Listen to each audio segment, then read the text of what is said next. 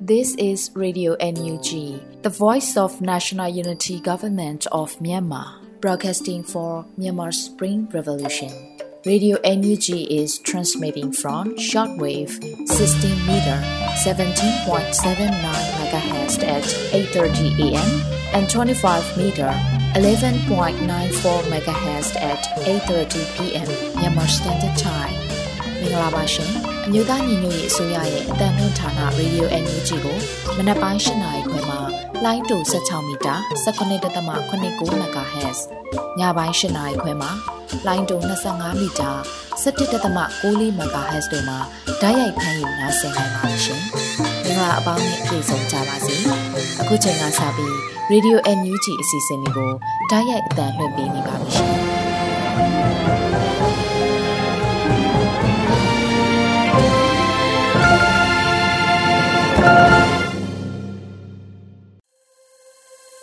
မြန်မာနိုင်ငံသူနိုင်ငံသားအပေါင်းတဘာဝအဖေစစ်အာဏာရှင်ဘေးတို့ကနေကင်းဝေးပြီးဘေးကင်းလုံခြုံကျန်းမာကြပါစေလို့ရေဒီယို UNG အဖွဲ့သားများကဆုတောင်းမြတ်တာပို့သလိုက်ရပါတယ်ရှင်ပထမဆုံးအနေနဲ့ကာကွယ်ရေးဝန်ကြီးဌာနရဲ့စစ်ရေးသတင်းအကျဉ်းချုပ်ကိုလွတ်လပ်လေးဦးမှဖတ်ကြားတင်ပြပေးပါမယ်ရှင်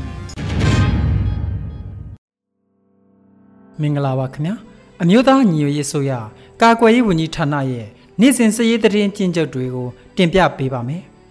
။တိုက်ပွဲများမှာအကြမ်းဖက်စစ်ကောင်စီတပ်သားတအူးသေဆုံးပြီးအကြမ်းဖက်စစ်ကောင်စီတပ်သား2ဦးဒဏ်ရာရရှိခဲ့တယ်လို့သတင်းရရှိပါတယ်။အဆိုပါစစ်ကောင်စီနဲ့တိုက်ပွဲဖြစ်ပွားမှုသတင်းများမှာ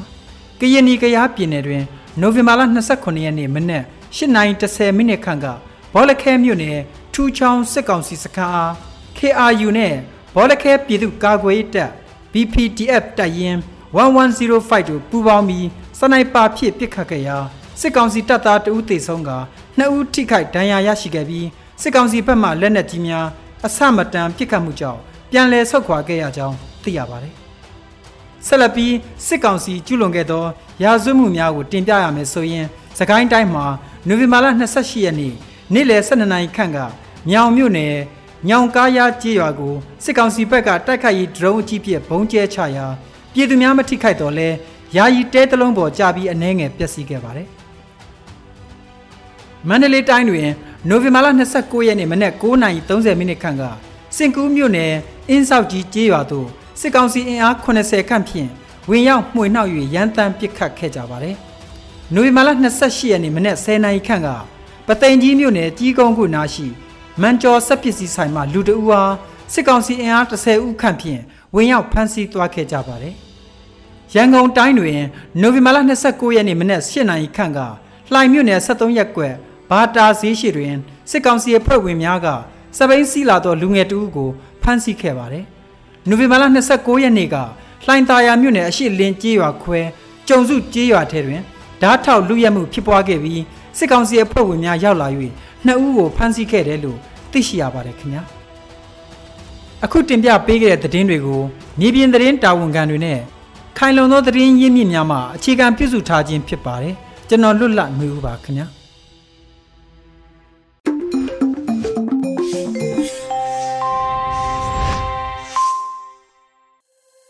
ဆက်လက်ပြီး Radio UNG ရဲ့နောက်ဆုံးရသတင်းများကို Airy မှဖက်ချန်းတင်ပြပေးပါမယ်ရှင်။မင်္ဂလာမနက်ခင်ပါရှင်2022ခုနှစ်နိုဝင်ဘာလ30ရက်နေ့မနက်ခင်းပြည်တွင်းသတင်းတွေကိုတင်ပြပေးတော့မှာဖြစ်ပါတယ်ကျွန်မကတော့အေရီပါရှင်ပြည်သူတွေထိခိုက်နေတာမှုထပ်မဖြစ်ရအောင်တော်လိုင်းရေးကိုအမြန်အဆုံးသတ်နိုင်အောင်လုပ်ရမယ်လို့ပြည်ထောင်စုဝန်ကြီးချုပ်ပြောကြားလိုက်တဲ့သတင်းကိုဥစွာတင်ပြပေးချင်ပါတယ်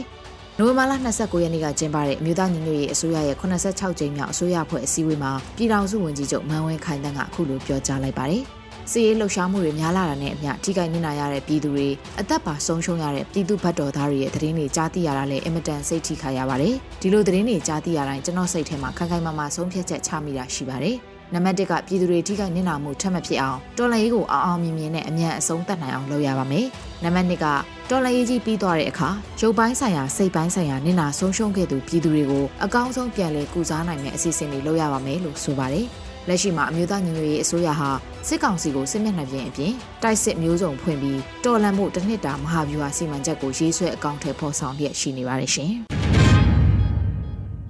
အခုဆက်လက်ပြီးနိုင်ငံခြားရေးဝန်ကြီးဌာနက IACC လုပ်ငန်းအဖွဲ့က International Donor တွေနဲ့တွေ့ဆုံမှုပြင်ဆင်ထားတဲ့အကြောင်းကိုလည်းတင်ပြပေးပါမယ်။ နိုဝင်ဘာလ29ရက်နေ့ကကျင်းပတဲ့အစိုးရကက်ဘိနက်အစည်းအဝေးမှာနိုင်ငံခြားရေးဝန်ကြီးဌာနက IACC လုပ်ငန်းအဖွဲ့က International Donor တွေနဲ့တွေ့ဆုံမှုပြင်ဆင်ထားတယ်လို့တင်ပြခဲ့ကြောင်းသိရှိရပါတယ်။အစည်းအဝေးမှာနိုင်ငံခြားရေးဝန်ကြီးဌာနကပြင်ဆင်ထားရှိတဲ့ဆွေးနွေးချက်တွေကိုတင်ပြခဲ့ကြပြီးအဲ့ဒီနောက်မှာတော့ဆွေးနွေးတင်ပြလာတာတွေကိုပြည်ထောင်စုဝန်ကြီးချုပ်ကပြန်လည်ရှင်းလင်းဆွေးနွေးတာတွေလှုပ်ဆောင်ခဲ့ပါတယ်။မြေသားညီညွတ်ရေးအစိုးရရဲ့86ကြိမ်မြောက်အစိုးရအဖွဲ့အစည်းအဝေးကိုယာယီသမရဒူဝါလက်ရှိလာပြည်ထောင်စုဝန်ကြီးချုပ်မန်ဝင်းခိုင်တန်းအပါအဝင် ပြည်အောင်စုဝန်ကြီးတွေနဲ့ဒုတိယဝန်ကြီးတွေတက်ရောက်ခဲ့ကြတယ်လို့သတင်းရရှိပါတယ်ရှင်။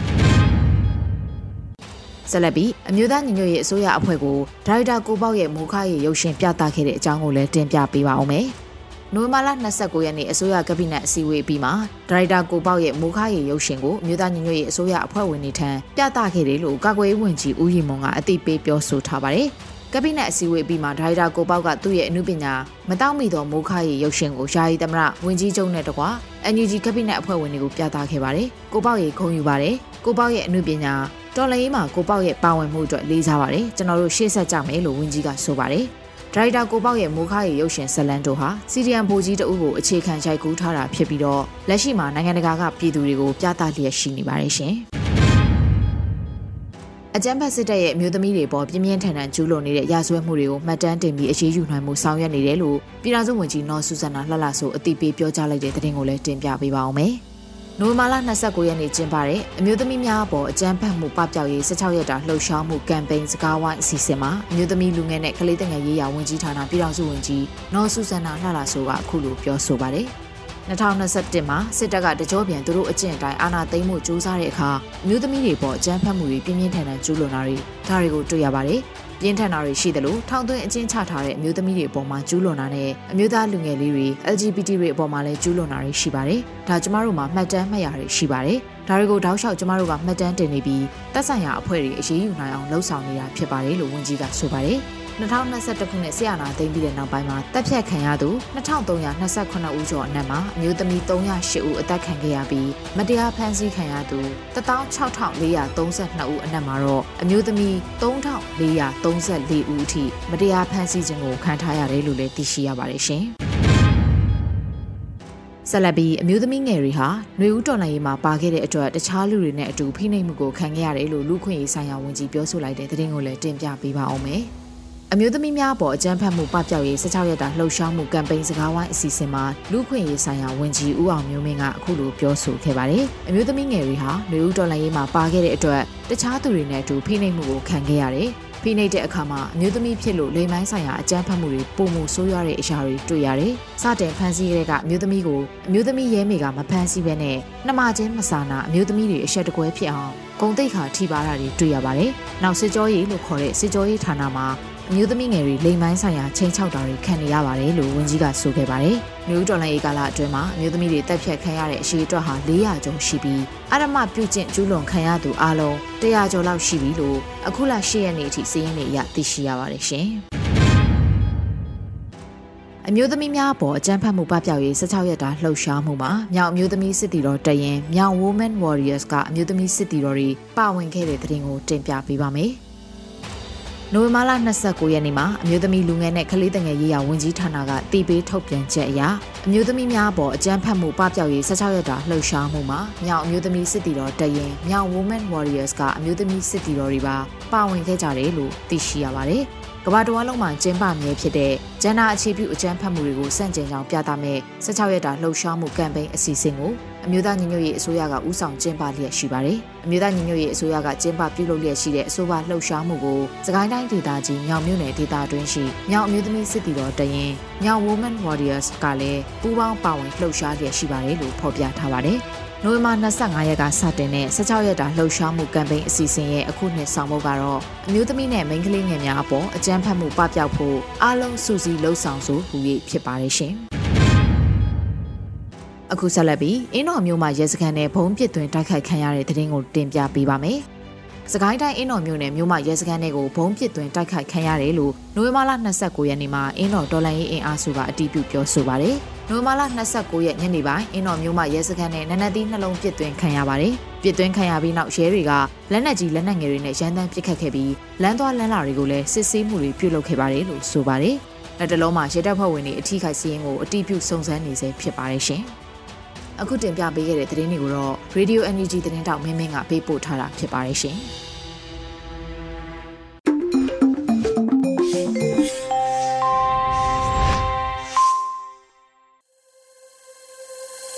Radio UNG မှာဆက်လက်တမ်းလှည့်နေပါတယ်။အခုဆက်လက်ပြီးလူအခွင့်အရေးစကားသံစီစဉ်အနေနဲ့အမျိုးသားညီညွတ်ရေးအစိုးရလူအခွင့်အရေးဆိုင်ရာပြည်ထောင်စုဝန်ကြီးမှအမျိုးသမီးနဲ့ကလေးသူငယ်များအပေါ်လိုင်းနာရမည်ကျင့်ဝတ်များကိုပြောကြားပေးမှာဖြစ်ပါတယ်ရှင်။လက်နက်ကင်ပြိပကကာလအတွင်းဒါမှမဟုတ်လက်နက်ကင်စစ်ပွဲတွေကာလအတွင်းမှာဆိုလို့ရှိရင်တော့အယက်သားပြည်သူတွေထိခိုက်နေတာမှုကတော့ရှိကြပါတယ် ဒီထဲမှာမှပုံမိုဆိုးဝါးစွာဖြင့်ထိခိုက်မှုတွေအကြမ်းဖက်မှုတွေစော်ကားမှုတွေကြုံတွေ့ရလေရှိတာကတော့အမျိုးသမီးများဖြစ်ပါတယ်အဲ့လိုမျိုးအမျိုးသမီးများပုံမှာအကြမ်းဖက်မှုဖြစ်ရတာကိုသုံးသက်ကြည့်အတိကအကြောင်းရင်းနှစ်ခုရှိတယ်လို့ပြောလို့ရပါတယ်ကျွန်တော်ပတ်ဝန်းကျင်မှာအမျိုးသမီးဆိုရင်အနိုင်ကျင့်လို့ရတယ်စော်ကားလို့ရတယ်အမျိုးသမီးဆိုလို့ရှိရင်တော့ငါတို့ကြိုက်တယ်လို့လှုပ်ဆောင်လို့ရပါတယ်ဆိုတော့ရိုးရာဒလိတွေရည်ကျေးမှုဒလိတချို့တွေကို အခြေခံပြီးတော့ပေါ်ပေါက်လာတဲ့မဟာဖိုဝါဒဆိုတဲ့အကြောင်းအရာရဲ့စေ့စော်မှုဖြစ်ပါတယ်။ဒါကြောင့်မလို့စစ်ပွဲကာလမှာလက်နက်တွေကင်လာကြမယ်။ကို့မှာခွန်အားတွေအင်အားတွေရှိလာတဲ့ချိန်မှာတွေ့ရတဲ့အမျိုးသမီးတွေပေါ်မှာအကြမ်းဖက်မှုတွေအနိုင်ကျင့်မှုတွေစော်ကားမှုတွေကငါတို့လုတ်ပိုင်ဝင်ရှိတဲ့အာဏာတစ်ခုလုတ်ပိုင်တစ်ခွင့်တစ်ခုလို့သတ်မှတ်ကြလိမ့်ရှိပါတယ် အဲ့လိုမျိုးရှိခဲ့တဲ့အကြောင်းအရာယူဆမှာထပ်မံပြီးအားဖြစ်တဲ့ကိစ္စတစ်ခုကတော့အမျိုးသမီးတွေထိခိုက်နစ်နာလွယ်တဲ့လူတွေပြည်သူလူထုတွေကိုအကြမ်းဖက်မှုတွေလူခွေချိုးဖောက်မှုတွေကျူးလွန်တဲ့အခါတိုင်းအခါတိုင်းအပြစ်ပေးအရေးယူမှုတွေမရှိဘဲနဲ့ impunity လို့ခေါ်တဲ့အပြစ်ပေးအရေးယူမှုတွေကနေကင်းလွတ်နေတဲ့အစင်လာကြီးကကျွန်တော်တို့ရဲ့မြန်မာနိုင်ငံတမိုင်းကြောင်းမှာအစင်ဆက်ရှိနေတာဖြစ်ပါတယ်။အဲဒါကြောင့်မလို့ လက်နက်ကိုင်ပြပကဖြစ်လာမယ်ဒါမှမဟုတ်လို့ရှိရင်တကယ့်ကိုအရေးပေါ်ကိစ္စတစ်ခုဖြစ်လာရင်အမျိုးသမီးတွေပေါ်မှာအကြမ်းဖက်မှုတွေကပုံမူပြီးတော့ဖြစ်ပျက်တာရှိပါတယ်ဒါကြောင့်မလို့လက်နက်ကိုင်ပြပကအတွင်းမှာအမျိုးသမီးတွေလည်းကာကွယ်ပေးဖို့လိုအပ်တယ်လို့ထိခိုက်နစ်နာလွယ်တဲ့ကလေးတွေအမျိုးသမီးငယ်တွေလည်းကာကွယ်ပေးဖို့အထူးအရေးကြီးပါတယ်ဒီနေရာမှာအမျိုးသမီးလို့ပြောရင်တတိထားစရာတခုရှိပါတယ်မွေးတွေကအမျိုးသမီးကဲသို့ မွေးဖွားလာတဲ့သူတွေမကပါဘူးအမျိုးသမီးကဲ့သို့ပြောင်းလဲပြီးပြုမှုနေထိုင်ပြောဆိုတဲ့ transgender woman အမျိုးသမီးကဲ့သို့ဝတ်စားဆင်ရင်သောသူများပြုမှုနေထိုင်သောသူများလည်းဒီအောက်မှာအကျုံးဝင်ပါတယ်။ဘာကြောင့်ကျွန်တော်ဒီကိစ္စကိုပြောလဲဆိုတော့သူတို့တွေကမွေးဖွားလာတဲ့ချိန်မှာအမျိုးသားကဲ့သို့မွေးဖွားလာပြီမဲ့ဒီကာလဒီအချိန်တွင်းမှာအမျိုးသမီးလိုပဲပြုမှုနေထိုင်ဆက်ဆံတဲ့အတွက်သူတို့ပေါ်မှာအကြမ်းဖက်မှုတွေကလည်းကြုံတွေ့ရရှိပါတယ် ဒါမှန်နိုင်ငံရေးလှုပ်ဆောင်တဲ့ထဲမှာတော့မှဒီလိုမျိုးလိန်စိတ်ပြောင်းလဲမှုတွေကွဲပြားမှုတွေလိန်မိုင်းဆိုင်ရာပြောင်းလဲမှုတွေ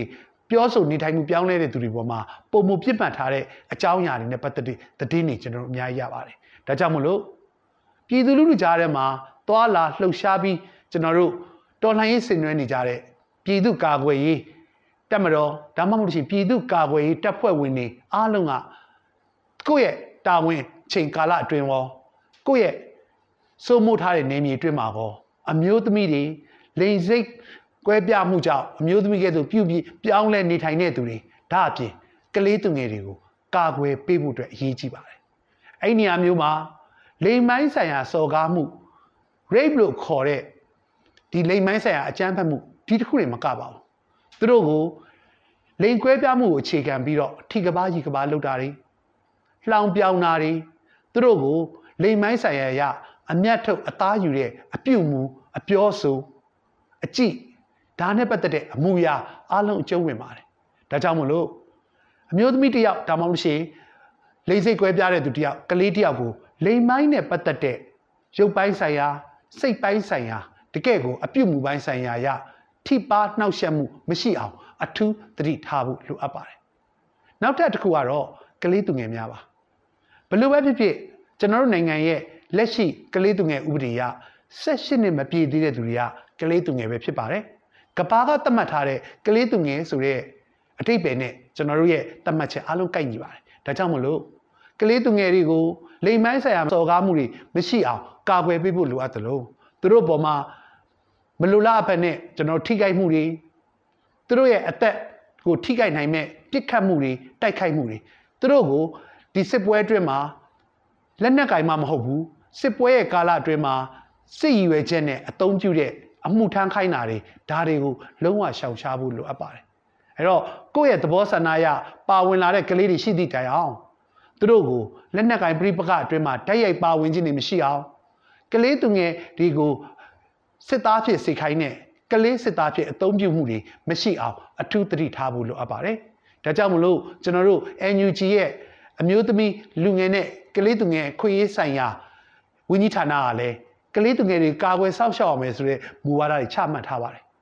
မူဝါဒချဖို့လိုက်နာတယ်မကဘဲနဲ့ကလေးတွေအမျိုးသမီးတွေကကျွန်တော်တို့ကာကွယ်ပေးရမယ့်သူတွေဖြစ်တယ်သူတို့ပေါ်မှာအကြမ်းဖက်မှုတွေကိုမဖြစ်အောင်စောင့်ထိန်သောတိတ်ခါရှိသောတော်လှန်ရေးတရက်တိတ်ခါရှိသောတက်မတော်တရက်ဆိုတဲ့အကြောင်းအရာကိုလူတိုင်းလူတိုင်းယင်ထဲမှာ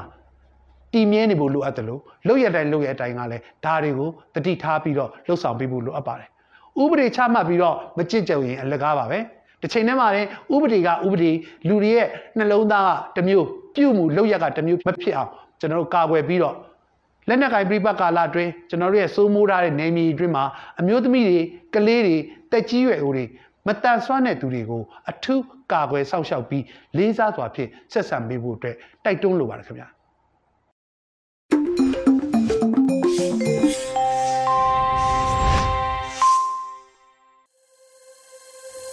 ဆက်လက်ကြည့်ပြည်သူခုခံတော်လှန်စစ်တရေများကိုຫນွေဦးလိမ့်ပြမှတင်ဆက်ပေးမှာဖြစ်ပါတယ်ရှင်ပထမဦးစွာမင်းကင်းမှာစစ်တပ်စစ်ကြောင်းနှင့်ကာကွယ်ရေးတပ်ဖွဲ့များတိုက်ပွဲဖြစ်ပွားခဲ့တဲ့သတင်းတင်ဆက်မှာပါမင်းကင်းမြို့နယ်တောင်တွင်းဒေသပြားသုံးကြီးရွာကိုမိရှိုရန်လာသည့်ကြော်ရွာမှအကြမ်းဖက်စစ်ကောင်စီနှင့်ပြူစောတိအင်အား40ကျော်ကိုနိုဝင်ဘာလ28ရက်နေ့တွင် ပြည်သူ့ကာကွယ်ရေးအဖွဲ့များမှပြန်၍ခုခံတိုက်ခိုက်ခဲ့ကြောင်းပြန်လည်ခုခံတိုက်ခိုက်မှုတွင်ဂျမ်ဖက်စစ်ကောင်စီနှင့်ပြူစောထီများထိခိုက်မှုရှိနိုင်ပြီးအတိမပြုတ်နိုင်သေးပဲတော်လန်ရေးရဲဘော်များဘက်တွင်အထိခိုက်မရှိကြောင်းဖော်ပြထားပါသည်။အလားတူစကိုင်းတိုင်းမင်းကင်းမြို့နယ်မအိုရွာအနီးတွင်မိုင်းလာဖြုတ်သည့်စစ်ကားများစနိုက်ပါဖြင့်အပြစ်ခတ်ခံရပြီးတအူးသေဆုံးကြောင်းသိရှိရပါတယ်ရှင်။ရွှေဘုံတွင်စစ်ကားကို PDF ကြားဖြတ်တိုက်ခိုက်တဲ့တဲ့ ဆက်လက်တင်ဆက်မှာပါ။စကိုင်းတိုင်းရွှေဘုံမြို့နယ်တွင်လာတော့ကြီးရွာမှရွှေဘိုဘက်သို့လာသည့်စစ်ကားတစ်စီးကိုတော်လန်ရေးတပ်ဖွဲ့များကလန်တနီယာတွင်ပစ်ခတ်တိုက်ခိုက်ရာစစ်သား3ဦးသေဆုံးကြောင်းရွှေဘို Defense Force SPDF ကပြောပါရယ် နိုဝင်ဘာလ28ရက်နေ့မိုးလတနာရီအချိန်ရွှေဘိုခရိုင်လာတော့ရွာမှရွှေဘိုဘက်သို့လာသည့်စစ်ကားတစ်စီးကိုတော်လိုင်းရေးအဖွဲ့များကမန္တလေးစကိုင်းရွှေဘိုလန်တနီယာတွင်ပစ်ခတ်တိုက်ခိုက်ခဲ့ရာစစ်ကောင်စီဝင်3ဦးသေဆုံးပြီးကျန်းစစ်ကောင်စီဝင်များဒဏ်ရာပြင်းထန်စွာရရှိသွားကြောင်းထုတ်ပြန်ထားပါရရှင်။နောက်ဆုံးအနေနဲ့ကလေးမျိုးနယ်ရာဇကြိုလမ်းကွဲတွင်တက်ဆွဲထားသောစစ်တပ်ကိုပြစ်ခတ်တိုက်ခိုက်ခဲ့တဲ့သတင်းတင်ဆက်ပါမယ်။ စကိုင်းတိုင်းကလေးမျိုးနယ်ရာဇကြိုလမ်းကွဲတွင်တက်ဆွဲထားသောစစ်တပ်ကို PDF တပေါင်းစုများကနိုဝင်ဘာလ26ရက်နေ့တွားရောက်တိုက်ခိုက်ရာတကောင်စီတပ်ဖက်မှ3ဦးသေဆုံးကြောင်းဒေသသတင်းရင်းမြစ် Voice of Kali ထံမှသိရှိရပါသည်။နိုဝင်ဘာလ26ရက်နေ့နေ့လယ်ပိုင်းကရာဇကြိုလမ်းကွဲတွင်တက်ဆွဲထားသောစစ်ကောင်စီတပ်ကိုပူးပေါင်းအဖွဲ့ကဝင်ရောက်တိုက်ခိုက်ခဲ့ခြင်းဖြစ်ပြီးပြစ်ခတ်တိုက်ခိုက်မှုသည်နိုင်ဝက်နီးပါးကြာမြင့်စေကြောင်းတိုက်ခိုက်မှုတွင်စစ်ကောင်စီတပ်သား3ဦးသေဆုံးက စစ်ကောင်စီတပ်၏လက်နက်ကြီးပစ်ခတ်မှုကြောင့် RKDF တပ်ဖွဲ့ဝင်2ဦးဦးကောင်းမေယိုဘဲဘက်ချေဖမိုးပေါင်းနှစ်လက်တို့တွင်တိုင်များများရရှိခဲ့ကြောင်းထုတ်ပြန်ထားပါရရှင်။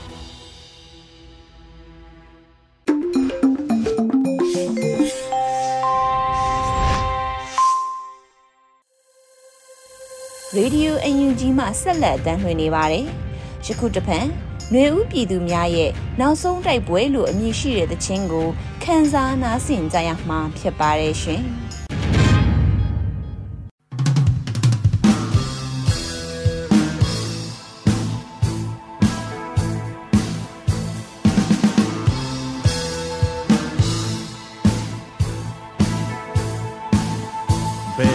ချုံမြ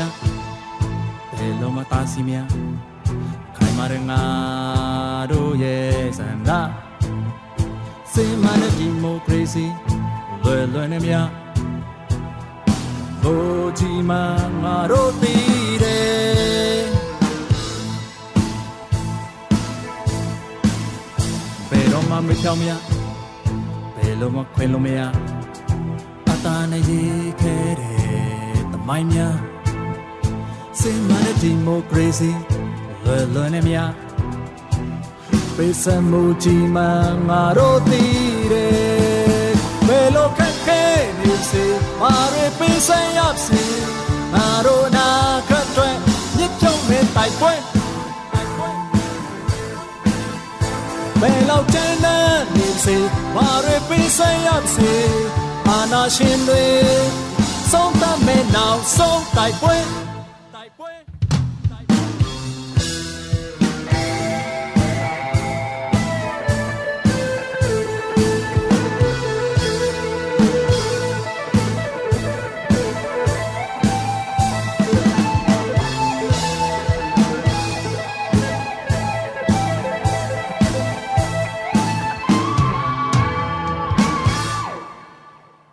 ဘယ်လိုမှထိန်ချုံမြဘယ်လိုမှတာစီမြခိုင်မာတဲ့ငါတို့ရဲ့ဆန္ဒစေမနဲ့ဒီမိုကရေစီလွယ်လွယ်နဲ့မြဘိုးကြီးမငါတို့တည်တယ်ဘယ်တော့မှမကြောက်မြဘယ်လိုမှဖယ်လို့မရအတားနဲ့ရေးခဲတယ် မိုင်းများစိတ်မနဲ့ဒီမိုကရေစီလွယ်လွယ်နဲ့များပေးစမှုကြီးမှငါတို့တည်တယ်ဘယ်လိုခက်ခဲနေပါစေဘာတွေပေးစရပါစေငါတို့နာခက်တွေညစ်ချုံမဲ့တိုက်ပွဲဘယ်လောက်ကျန်းနေပါစေဘာတွေပေးစရပါစေအာနာရှင်တွေ ဆုံးသမဲ့နောက်ဆုံးလိုဝဲခဲနေစေဘာတွေပေးစရစေငါတို့နာခတ်တွေညစ်ကြုံမဲ့တိုက်ပွဲဘယ်လောက်ကျန်းနေစေဘာတွေပေးစရစေအာနာရှင်တွေဆုံးသမဲ့နောက်ဆုံးတိုက်ပွဲနောက်ဆုံး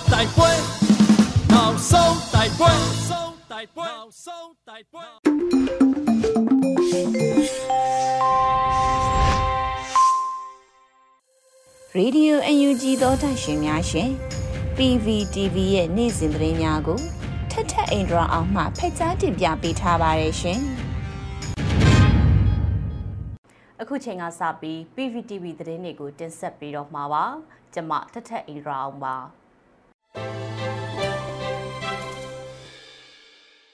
ပထမဆုံးတင်ဆက်ပေးမယ့်သတင်းကတော့အချမ်းဘတ်စစ်တပ်ကကမ်ဘလူမြို့နယ်အတွင်းကကြေးရွာတွေကိုစစ်ကြောင်းထုတ်ပြီးတော့ပြည်သူတွေကိုတတ်တာနဲ့အိမ်တွေကိုမိရှုတာတွေပြုလုပ်နေတဲ့သတင်းမှာအကြံဘတ်စစ်တပ်ကစကိုင်းတိုင်းကမ်ဘလူမြို့နယ်အတွင်းကကြေးရွာတွေကိုစစ်ကြောင်းထိုးဝင်ရောက်ပြီးတော့ပြည်သူ9ဦးကိုမိရှုတပ်ဖြတ်ခဲ့ကဘာသာရေးအဆောက်အုံတွေစာတင်ကျောင်းတွေကိုမိရှုဖျက်ဆီးတာတွေပြုလုပ်နေတယ်လို့ကျောင်းလာတက်ကြွလှုပ်ရှားသူများအဖွဲ့ကပြောပါတယ်။ ကမ်းလူမြို့နယ်အတွင်းကကြေးရွာ၄ရွာကိုအကြမ်းဖက်စစ်တပ်က၄ရက်ဆက်တိုက်မိရှုဖျက်ဆီးခဲ့တာဖြစ်ပြီးတော့နိုဝင်ဘာ22ရက်မှာကြောက်တိုင်ရွာကအသက်60အရွယ်အဖွာဒေါ်ပြားအသက်85နှစ်အရွယ်အဖွာအိုဒေါ်ထူနဲ့အသက်38နှစ်အရွယ်ကိုကျော်စင်ဦးတို့ကိုလက်ပြန်ကျိုးတုံးလျက်မိရှုတပ်ဖြတ်ခဲ့ပါတယ်။အဲဒီနေ့မှာပဲကြည်စုရွာမှာနေထိုင်တဲ့အသက်53နှစ်အရွယ်ဒေါ်တိုက်နဲ့အသက်45နှစ်အရွယ်ဦးကျော်မင်းဦးတို့လည်း ဝါယာကျိုးနဲ့လက်နောက်ပြန်ကျိုးတုပ်ပြီးတော့နေရင်အတွင်းထည့်ပြီးမိရှို့တပ်ဖြတ်ခဲ့ပါတယ်။အကြံဖတ်စစ်တပ်ကစကိုင်းတိုင်းကမ်ဘလိုမြို့နယ်အတွင်းမှာရှိတဲ့ချေးရွာတွေကိုတရားဝင်တရားထွက်စစ်ကြောင်းထိုးပစ်ခတ်တာမိရှို့ဖျက်ဆီးတာပြည်သူတွေကိုတပ်ဖြတ်တာအဆရှိတဲ့ဆေးရဆွဲမှုတွေကိုပြုလုပ်နေတဲ့အတွက်ဒေသခံပြည်သူတွေကထွက်ပြေးတိမ်းရှောင်နေရပြီးစစ်ရှောင်ပြည်သူတွေအတွက်စားနပ်ရိက္ခာနဲ့ဆေးဝါးအကူအညီတွေလိုအပ်နေတယ်လို့ကျွန်းလာတက်ကြွလှုပ်ရှားသူအဖွဲ့ကပြောပါတယ်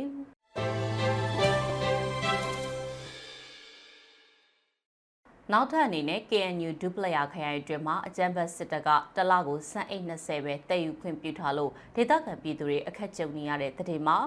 ပြည်မျိုးသားစီယို KNU ဒူပလယာခရိုင်ဝင်းရင်မြို့နယ်အတွင်းကလွှတ်ရှမ်းရွာမှာအကြမ်းဖက်စစ်တပ်ကတက်လာကိုစံအိတ်20ပဲတည်ယူခွင့်ပြုထားတဲ့အတွက်ဒေသခံပြည်သူတွေအခက်ကြုံနေရပါတယ်။ လွှတ်ရှမ်းရွာကအင်ဂျီ300နီးပါးရှိပြီးတော့လူဦးရေ2000ဝန်းကျင်ရှိတဲ့အတွက်အကြမ်းဖက်စစ်တပ်ရဲ့စံအိတ်ကတ်တဲ့ချက်ကဒေသခံတွေကိုအခက်ကြုံစေတာပါ။အကြမ်းဖက်စစ်တပ်ကနိုဝင်ဘာ16ရက်နေ့ကစပြီးလွရှမ်းကျေးရွာတွေကကုံအယောင်ဆိုင်တွေကားသမားတွေကိုတလကိုစံအိတ်20သာတည်ယူခွင့်ပြုတော်မယ်လို့ပြောခဲ့တာလို့ဆိုပါတယ်။လွရှမ်းကျေးရွာမှာတက်ဆွဲထားတဲ့အကြမ်းဖက်စစ်တပ်နဲ့ကေမျိုးသားလွတ်မြောက်ရေးတပ်မတော် KNL တို့ကြား နိုဝင်ဘာလ15ရက်နေ့မှာတိုက်ပွဲတွေဖြစ်ပွားခဲ့ပြီးအကြမ်းဖက်စစ်တပ်ကလေကြောင်းတိုက်ခိုက်မှုတွေပါပြုလုပ်နေတဲ့အတွက်ဒေသခံပြည်သူတွေဘေးလွတ်ရာကိုတိမ်းရှောင်နေရပါတယ်။လွရှမ်းကျွော်မှာတက်ဆွဲထားတဲ့အကြမ်းဖက်စစ်တပ်ကနေအိမ်တွေထဲကိုဝင်ပြီးတော့အဖိုးတံပစ္စည်းတွေကိုယူတာရိတ်ခါတွေကိုယူတာနဲ့အိမ်မွေးတရိတ်ဆန်တွေကိုဖမ်းဆီးတပ်ဖြတ်စားတောက်တာတွေပြုလုပ်နေပါတယ်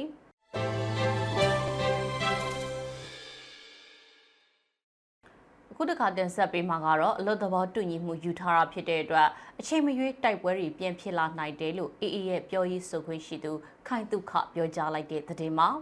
ရခိုင်တပ်တော် AA နဲ့အကြမ်းဖက်စစ်တပ်ကြားအပြစ်ရတဲ့ဖြစ်စဉ်ကအလွတ်သဘောတူညီမှုယူထားတာဖြစ်တဲ့အတွက်အချိန်မရွေးတိုက်ပွဲတွေပြင်ဖြစ်လာနိုင်တယ်လို့ရခိုင်တပ်တော် AA ရဲ့ပြောရေးဆိုခွင့်ရှိသူခိုင်တုခါကသတင်းစာရှင်းလင်းပွဲမှာပြောကြားခဲ့ပါတယ်။ကျို့ပြောလို့တော့မရပါဘူး။စာရွက်စာတမ်းနဲ့လက်မှတ်ထိုးထားတာလည်းမဟုတ်ပါဘူး။ ကျွန်တော်တို့ဟာနှစ်ဖက်အလွတ်သဘောတူညီထားတာပဲဖြစ်တဲ့အတွက်တစ်ဖက်ဘက်ကတခုခုလှုပ်လာလို့ရှိရင်အချိန်မရွေးတိုက်ပွဲတွေလည်းပြင်ဖြစ်လာနိုင်ပါတယ်။ဖြစ်မဖြစ်ကတော့ရှေ့မှာဖြစ်လာမယ့်အခြေအနေပေါ်ပဲမူတည်တယ်လို့ကျွန်တော်အနေနဲ့ပြောချင်ပါကြောင်းခိုင်တုခကပြောပါတယ်။ရခိုင်တပ်တော် AA နဲ့အချမ်းဘတ်စစ်တပ်ကြားအပြစ်ရဖြစ်စဉ်နဲ့ပတ်သက်ပြီးသတင်းစာရှင်းလင်းပွဲကိုနိုဝင်ဘာလ28ရက်နေ့ကပြုလုပ်ခဲ့ရမှာခုလိုမျိုးပဲထည့်သွင်းပြောကြားခဲ့တာပါ။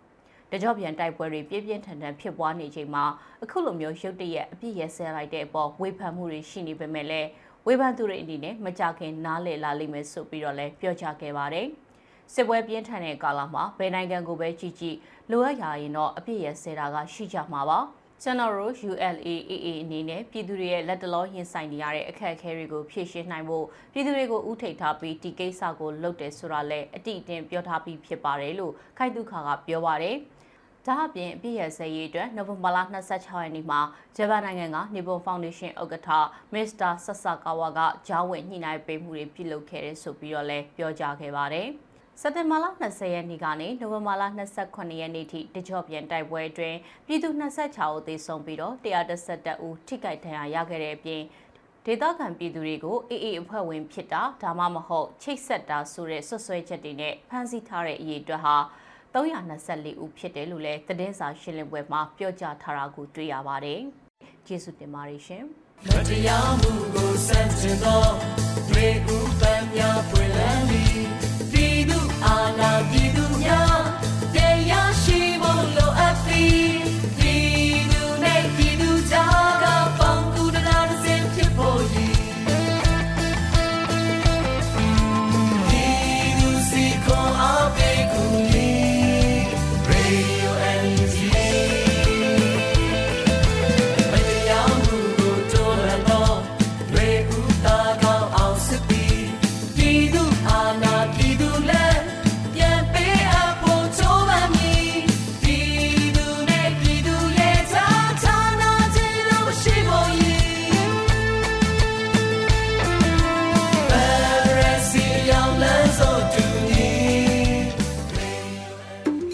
ကနေ့ကတော့ဒီညနဲ့ပဲ Radio NUG ရဲ့အစီအစဉ်လေးကိုခਿੱတရနာလိုက်ပါမယ်ရှင်။မြမစံတော်ချိန်မနက်၈နာရီခွဲနဲ့ည၈နာရီခွဲအချိန်တွေမှာပြန်လည်ဆုံတွေ့ကြပါစို့။ Radio NUG ကိုမနက်ပိုင်း၈နာရီခွဲမှာလိုင်းတူ16မီတာ19.8 MHz ညပိုင်း၈နာရီခွဲမှာလိုင်းတူ25မီတာ17.6 MHz တို့မှာဓာတ်ရိုက်ဖမ်းလို့နိုင်စေနိုင်ပါပြီ။ မြန်မာနိုင်ငံသူနိုင်ငံသားတွေကိုစိတ်နှပြကျန်းမာချမ်းသာလို့ဘေးကင်းလုံခြုံကြပါစေလို့ Radio NUG အဖွဲ့သူဖွဲ့သားတွေကဆုတောင်းမြတ်တာပို့တာလိုက်ရပါတယ်ရှင်။အမျိုးသားညီညွတ်ရေးအစိုးရရဲ့စက်သွေးရေးသတင်းအချက်အလက်နဲ့လူပညာဝန်ကြီးဌာနကထုတ်လွှင့်နေတဲ့ Radio NUG ဖြစ်ပါတယ်။ San Francisco Bay Area အခြေစိုက်မြန်မာမိသားစုတွေနဲ့နိုင်ငံတကာကစေတနာရှင်လို့အားပေးနေတဲ့ Radio NUG ဖြစ်ပါတယ်။အရေးတော်ပုံအောင်ရမည်